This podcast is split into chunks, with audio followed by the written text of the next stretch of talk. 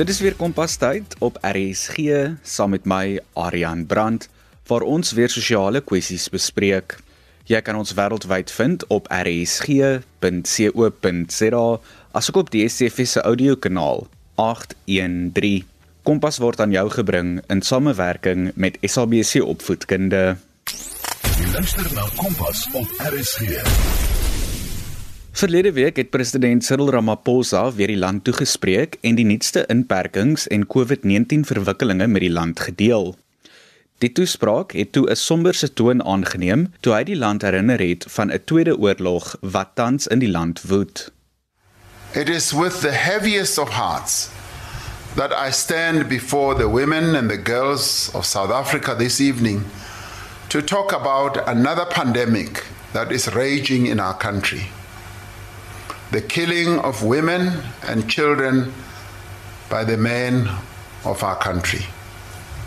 As a man, as a husband, and as a father to daughters, I am appalled at what is no less than a war that is being waged against the women and the children of our country.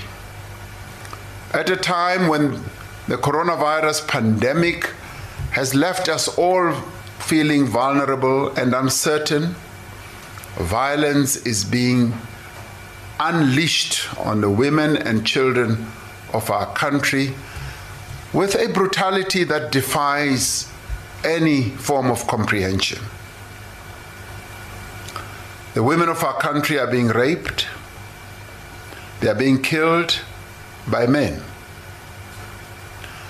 These rapists and killers walk amongst us. They are in our communities. They are fathers, they are brothers, they are our sons and our friends. They are violent men with utterly no regard for the sanctity of human life. Over the past few weeks, no fewer than 21 women and children have been murdered. Their killers thought they could silence them. But we will not forget them and we will speak for them where they themselves cannot.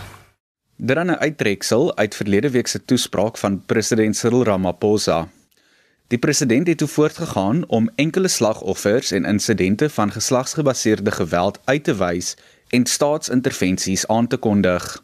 Wat die skokkendste van alles is, is dat dit minder as 'n jaar gelede is toe dieselfde kwessies opslag gemaak het in die nuus. Die verkrachting en moord van die Universiteit Kaapstad student Yenene Mruetana en vele ander is nog vars in ons gedagtes, tesame met die #handsoff en #aminext veldtogte. Vanaand in Kompas pak ons hierdie dringende kwessie weer aan en ons vind uit hoekom dit steeds 'n probleem in ons land en breër samelewing is. Ek het met Wessel van den Berg, 'n bestuurder en koördineerder vir kinderregte en verantwoordelike ouerskap van Sonke Gender Justice in die Kaap gesels en 'n paar antwoorde op dringende vrae probeer kry. Kompas, die jeugse rigtingaanwyser op RSG. Ek weet dat daar nie definitiewe antwoorde op alle vrae is nie. Spesifiek nie op die vraag nie, maar hoekom is geweld teenoor vroue en kinders vandag nog so 'n groot kopseer, so 'n groot probleem in ons samelewing? Weet jy Adrian, die onlangse aandag wat ons in die media gesien het teenoor geweld teen vroue. Ehm um, dis belangrik om te noem dat die geweld nie ewe skielik in 'n kwessie van 'n paar weke vermeerder het nie. Die vlak van geweld teenoor vroue, spesifiek 'n moord van vroue, het wel vermeerder, maar nie in 'n kwessie van 'n week of twee nie. Dit was die natuur van die spesifieke gevalle wat baie, ek dink emosioneel en brutaal was wat die media se aandag getrek het na die probleem en ehm um, gevolglik het ons meer aandag op die probleem gehad as as gewoonlik. Um, ek dink wat 'n baie goeie ding was sodat ons ons as 'n land kan bewus wees van wat gebeur. Om jou vraag te beantwoord oor wat die ehm um, die drywers is van geweld. Jy weet in ons konteks het ons natuurlik 'n geskiedenis van geweld in ons land waar geweld genormaliseer is deur die regering in die 80s en die 70s ensovoorts. En ek dink dit gaan ons 'n paar generasies neem om ehm um, los te kom van daai geweld. Tans is mans natuurlik meer geposisioneer in die patriargale konteks wat ons woon om geweld teenoor vroue te gebruik. So gevolglik sien ek dat ons ons baie geweld teenoor vroue van bewus word. Net om te noem dat die probleem is dat mans geweld gebruik. Maar dit is interessant om uit te wys dat mans ook slagoffers is van geweld wat deur mans gepleeg word. Um, inderdaad word daar meer geweld teenoor mans gepleeg deur ander mans as wat daar geweld teenoor vrouens gepleeg word. Maar natuurlik moet ons dit in die breër konteks sien van die feit dat dit mans is wat die geweld pleeg. So ek, ek sal sê in terme van die die bronne van die geweld of die drywers van die geweld is ons geskiedenis. En dan wat ons nou met onlangse navorsing al meer sien van reg oor die wêreld en veral in Suid-Afrika ook, is die grootste drywer van een persoon se geweldgebruik is hulle blootstelling daaraan as 'n kind. As jy 'n meisie is wat blootgestel is aan geweld, dan het jy 'n groter risiko om wel 'n gewelddadige verhouding uit te soek. En as jy 'n seun is wat blootgestel was aan geweld toe jy 'n kind was, is jy meer geneig om geweld te gebruik. Weereens moet ek dit kwalifiseer en sê dat meeste mense wat blootgestel is aan geweld of geweld ervaar het as kinders, gebruik nie geweld as volwassenes nie. Maar vir die groep wat wel geweld gebruik, is dit een van die groot drywers. Geweld is maar slegs een van die verskillende maniere hoe vroue en kinders mishandel word. Um ek weet daar's byvoorbeeld ander vorms van mishandeling spesifiek. Um watter ander forme van mishandeling is daar spesifiek en watter gedrag is voorbeelde hiervan? Weet jy ek sal mishandeling kategoriseer as 'n vorm van geweld. So vir my ehm um, sal ek nie noodwendig die twee skei nie, maar ek dink as ons praat van geweld, is daar natuurlik verskillende forme van geweld. So ons is nou baie bekend met die fisiese gebruik van geweld, met ander woorde waar iemand iemand anders ter fisiese pyn veroorsaak of hulle liggaamlike integriteit uh, te nakom. Ehm um, maar dan is daar ook sielkundige geweld, emosionele geweld waar ehm um, daar manipulasie of afpersing is. Die basiese beginsel is dat jy ongemak of pyn veroorsaak vir 'n ander persoon eh, teen hulle wil. En jy kan dit nie net fisies doen nie, maar jy kan dit ook ehm um, deur 'n uh, emosionele mishandeling doen. Ehm um, daar is ook natuurlik finansiële mishandeling waar iemand ekonomies afhanklik is van 'n ander persoon en daai persoon gebruik dit om hulle magsposisie te behou ten koste van die ander persoon se welsyn. So ek dink daai drie is wat ons baie meer bekend is, jy weet die fisiese, die sielkundige en die finansiële. Ons hoor altyd van die of gereeld oor ons van die emosionele mishandeling en dan ook die fisiese mishandeling, maar bitter min van die finansiële mishandeling. Is daar enige statistieke met betrekking tot geweld teenoor vroue en kinders? Um ek weet daar is soveel syfers en persentasies en dinge wat rondloop, maar is daar enige konkrete statistieke? So een keer 'n jaar word die misdaadsyfers gepubliseer en ek dink dit is van die meer betroubare getalle wat 'n mens na kan kyk. In die jaar 2017-2018 is daar net onder 3000 vroue, so 2900 vroue vermoor in Suid-Afrika. Die polisie um, hou nie rekord van wie die persoon is wat die geweld gepleeg het of wat die moord gepleeg het nie, maar wat analise wel sê is dat dit in 90% 93% sal dit mans wees wat die moord gepleeg het teenoor vroue vroue. Iets wat ook interessant is om te noem as 'n mens kyk na die vermoor of femicide in Suid-Afrika, um, waar vroue vermoor word, is nie net hoeveel absoluut vermoor word nie, maar hoeveel per 100 000 vermoor word. Met ander woorde, die die Engelse woord is murder rate. In 2017 2018 is dit 15 net oor 15 uit elke 100 000 en dit dit is baie hoog. Dit het ook verhoog. So die aandag wat die media geskenk het aan die kwessie is wel toepaslik want die koers het van 2013 af geleidelik vermeerder. Ehm um, hoe dit vergelyk met ander lande is dat ons wêreldwyd die 4de hoogste land in die wêreld is. Ehm um, uh, Honduras, Jamaica en Lesotho is die ander 3 hoë lande.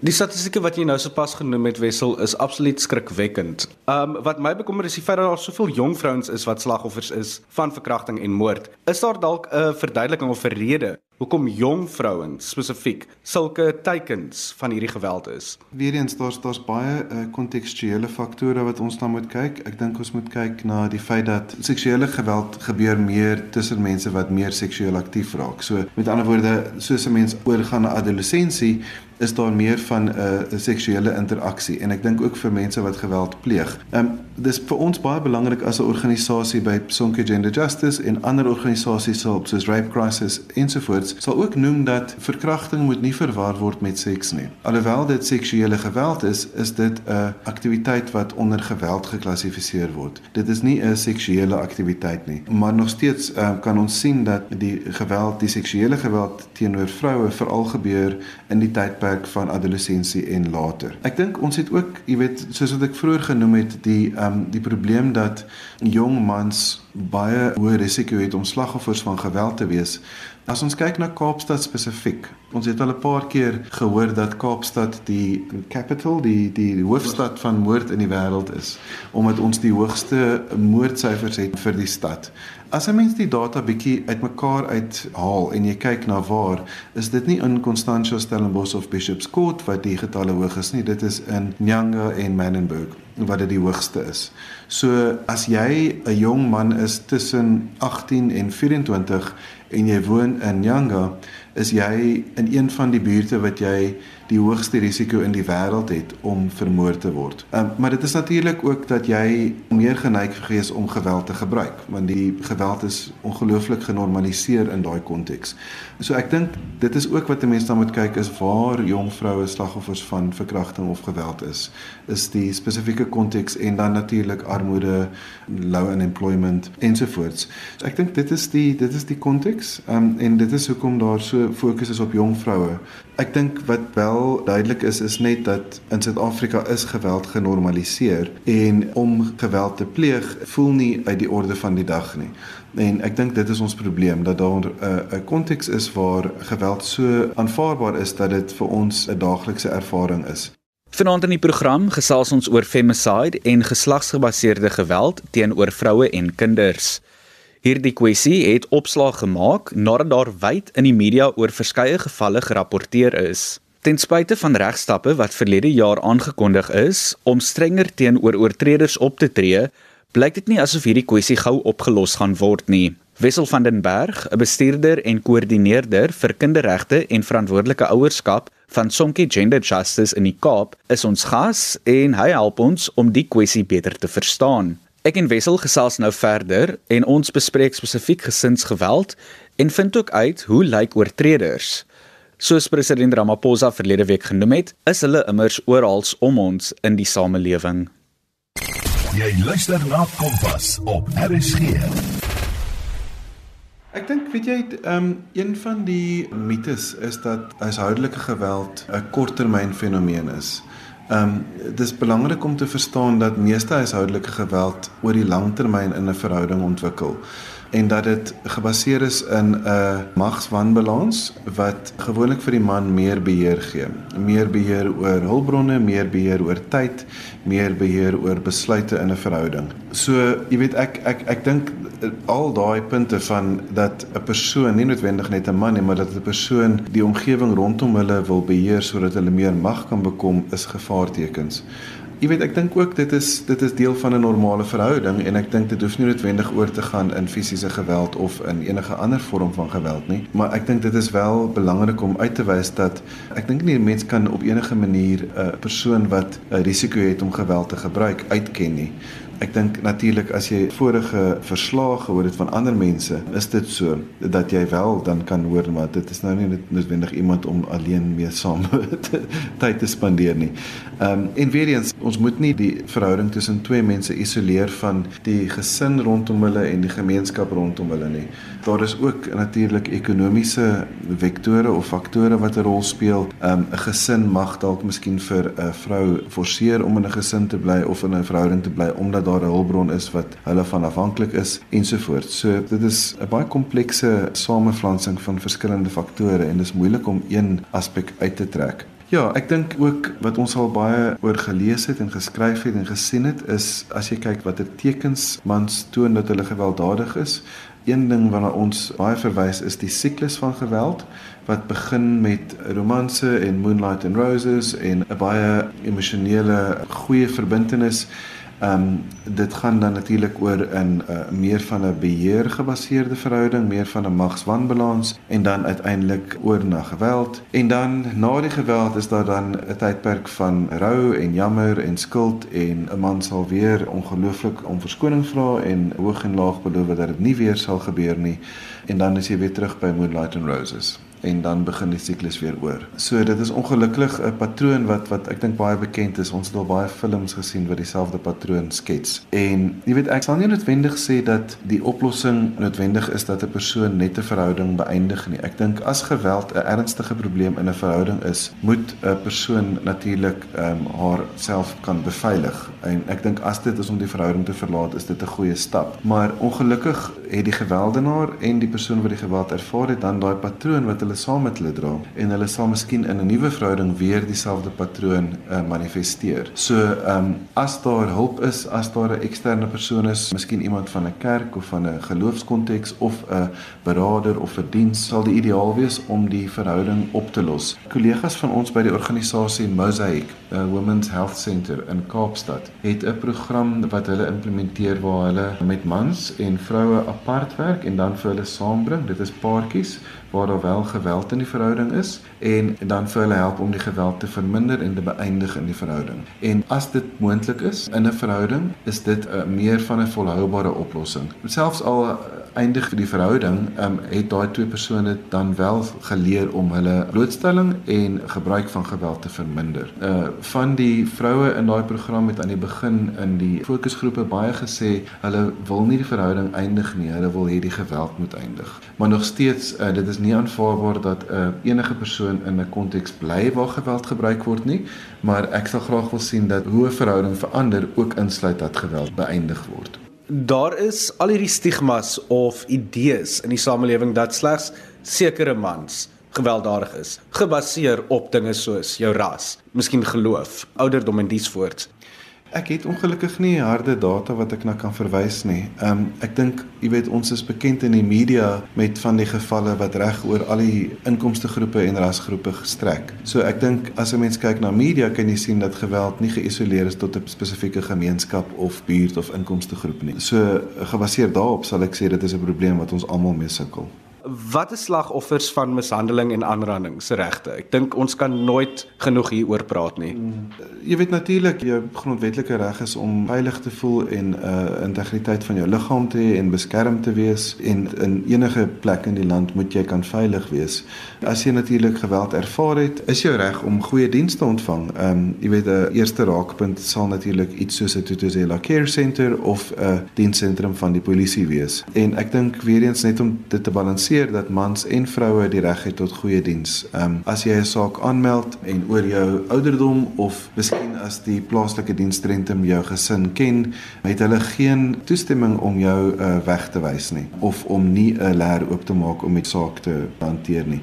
Ehm um, daar is ongelukkig baie kontekste in ons land wat geweld in verhoudings meer opgelos word deur 'n gemeenskap of 'n gesin as deur die geregtelike stelsel. En ek dink ons kan baie beter doen as 'n uh, regering regering om daai dienste wel beskikbaar en vriendelik te maak sodat mense vertroue daarin kan bou en dan natuurlik 'n vinnige voltooiing van 'n geregtelike proses te kan sien. Dit is die regte wat almal behoort te geniet. So gepraat van die gereg en polisie, die staat en so voort. Wat is dit wat polisie en ook die regering kan doen om hierdie sake te verbeter, om hierdie kwessie uh, tot 'n mate op te los? Ja, ek dink ons nou uh, redelik gepraat oor die implementering van dienste. So dis met ander woorde forensiese dienste, beradingsdienste vir mense wat alreeds geweld ervaar het. Um, ek dink wat ons nie genoeg van sien nie is belegging in voorkoming van geweld en ek dink daar is al hoe meer bewyse. Um, by Sonke het ons al 'n paar studies geloods en gesien dat dit wel moontlik is om geweld te voorkom. As jy 'n program aanbied wat een keer 'n week met 'n groep gesinne werk, um, het ons al gesien dat die gebruik van geweld of die blootstelling aan geweld onder daai groep wel kan verminder. Um, ek dink 'n ander dimensie van voorkoming verwys ook na 'n punt wat ek vroeër gemaak het waar um volwassenes se gebruik van geweld gewoonlik verwant is aan hulle blootstelling aan geweld as kinders. As ons dit kan regkry om geweld teen kinders te kan verminder, sal ons oor die lang termyn in 'n generasie of 2 sien dat die gebruik van geweld deur volwassenes ook kan verminder. Ek dink dit is 'n brug tussen die sektor wat kyk na kinderregte en die sektor wat kyk na vroueregte en ons sien al hoe meer samewerking tussen die twee sektore om uh, geweld te verminder teenoor vroue deur te werk aan die vermindering van geweld teenoor kinders. Um een onlangse punt wat baie in die nuus was wat wat mense mee bekend sal wees is die grondwetlike hof se besluit oor lyfstraf. En dit sal miskien vir party mense interessant wees om te verstaan hoekom Sonke as 'n vroueregte organisasie betrokke was by die saak. En dit is juis oor hierdie punt dat ons het betrokke geraak by die voorkoming en die onwettige verklaring van lyfstraf omdat ons weet dat um, navorsing wêreldwyd vir ons al getoon het dat as jy geweld teenoor kinders kan verminder, die gebruik daarvan deur die kinders as hulle volwassenes is ook sal verminder.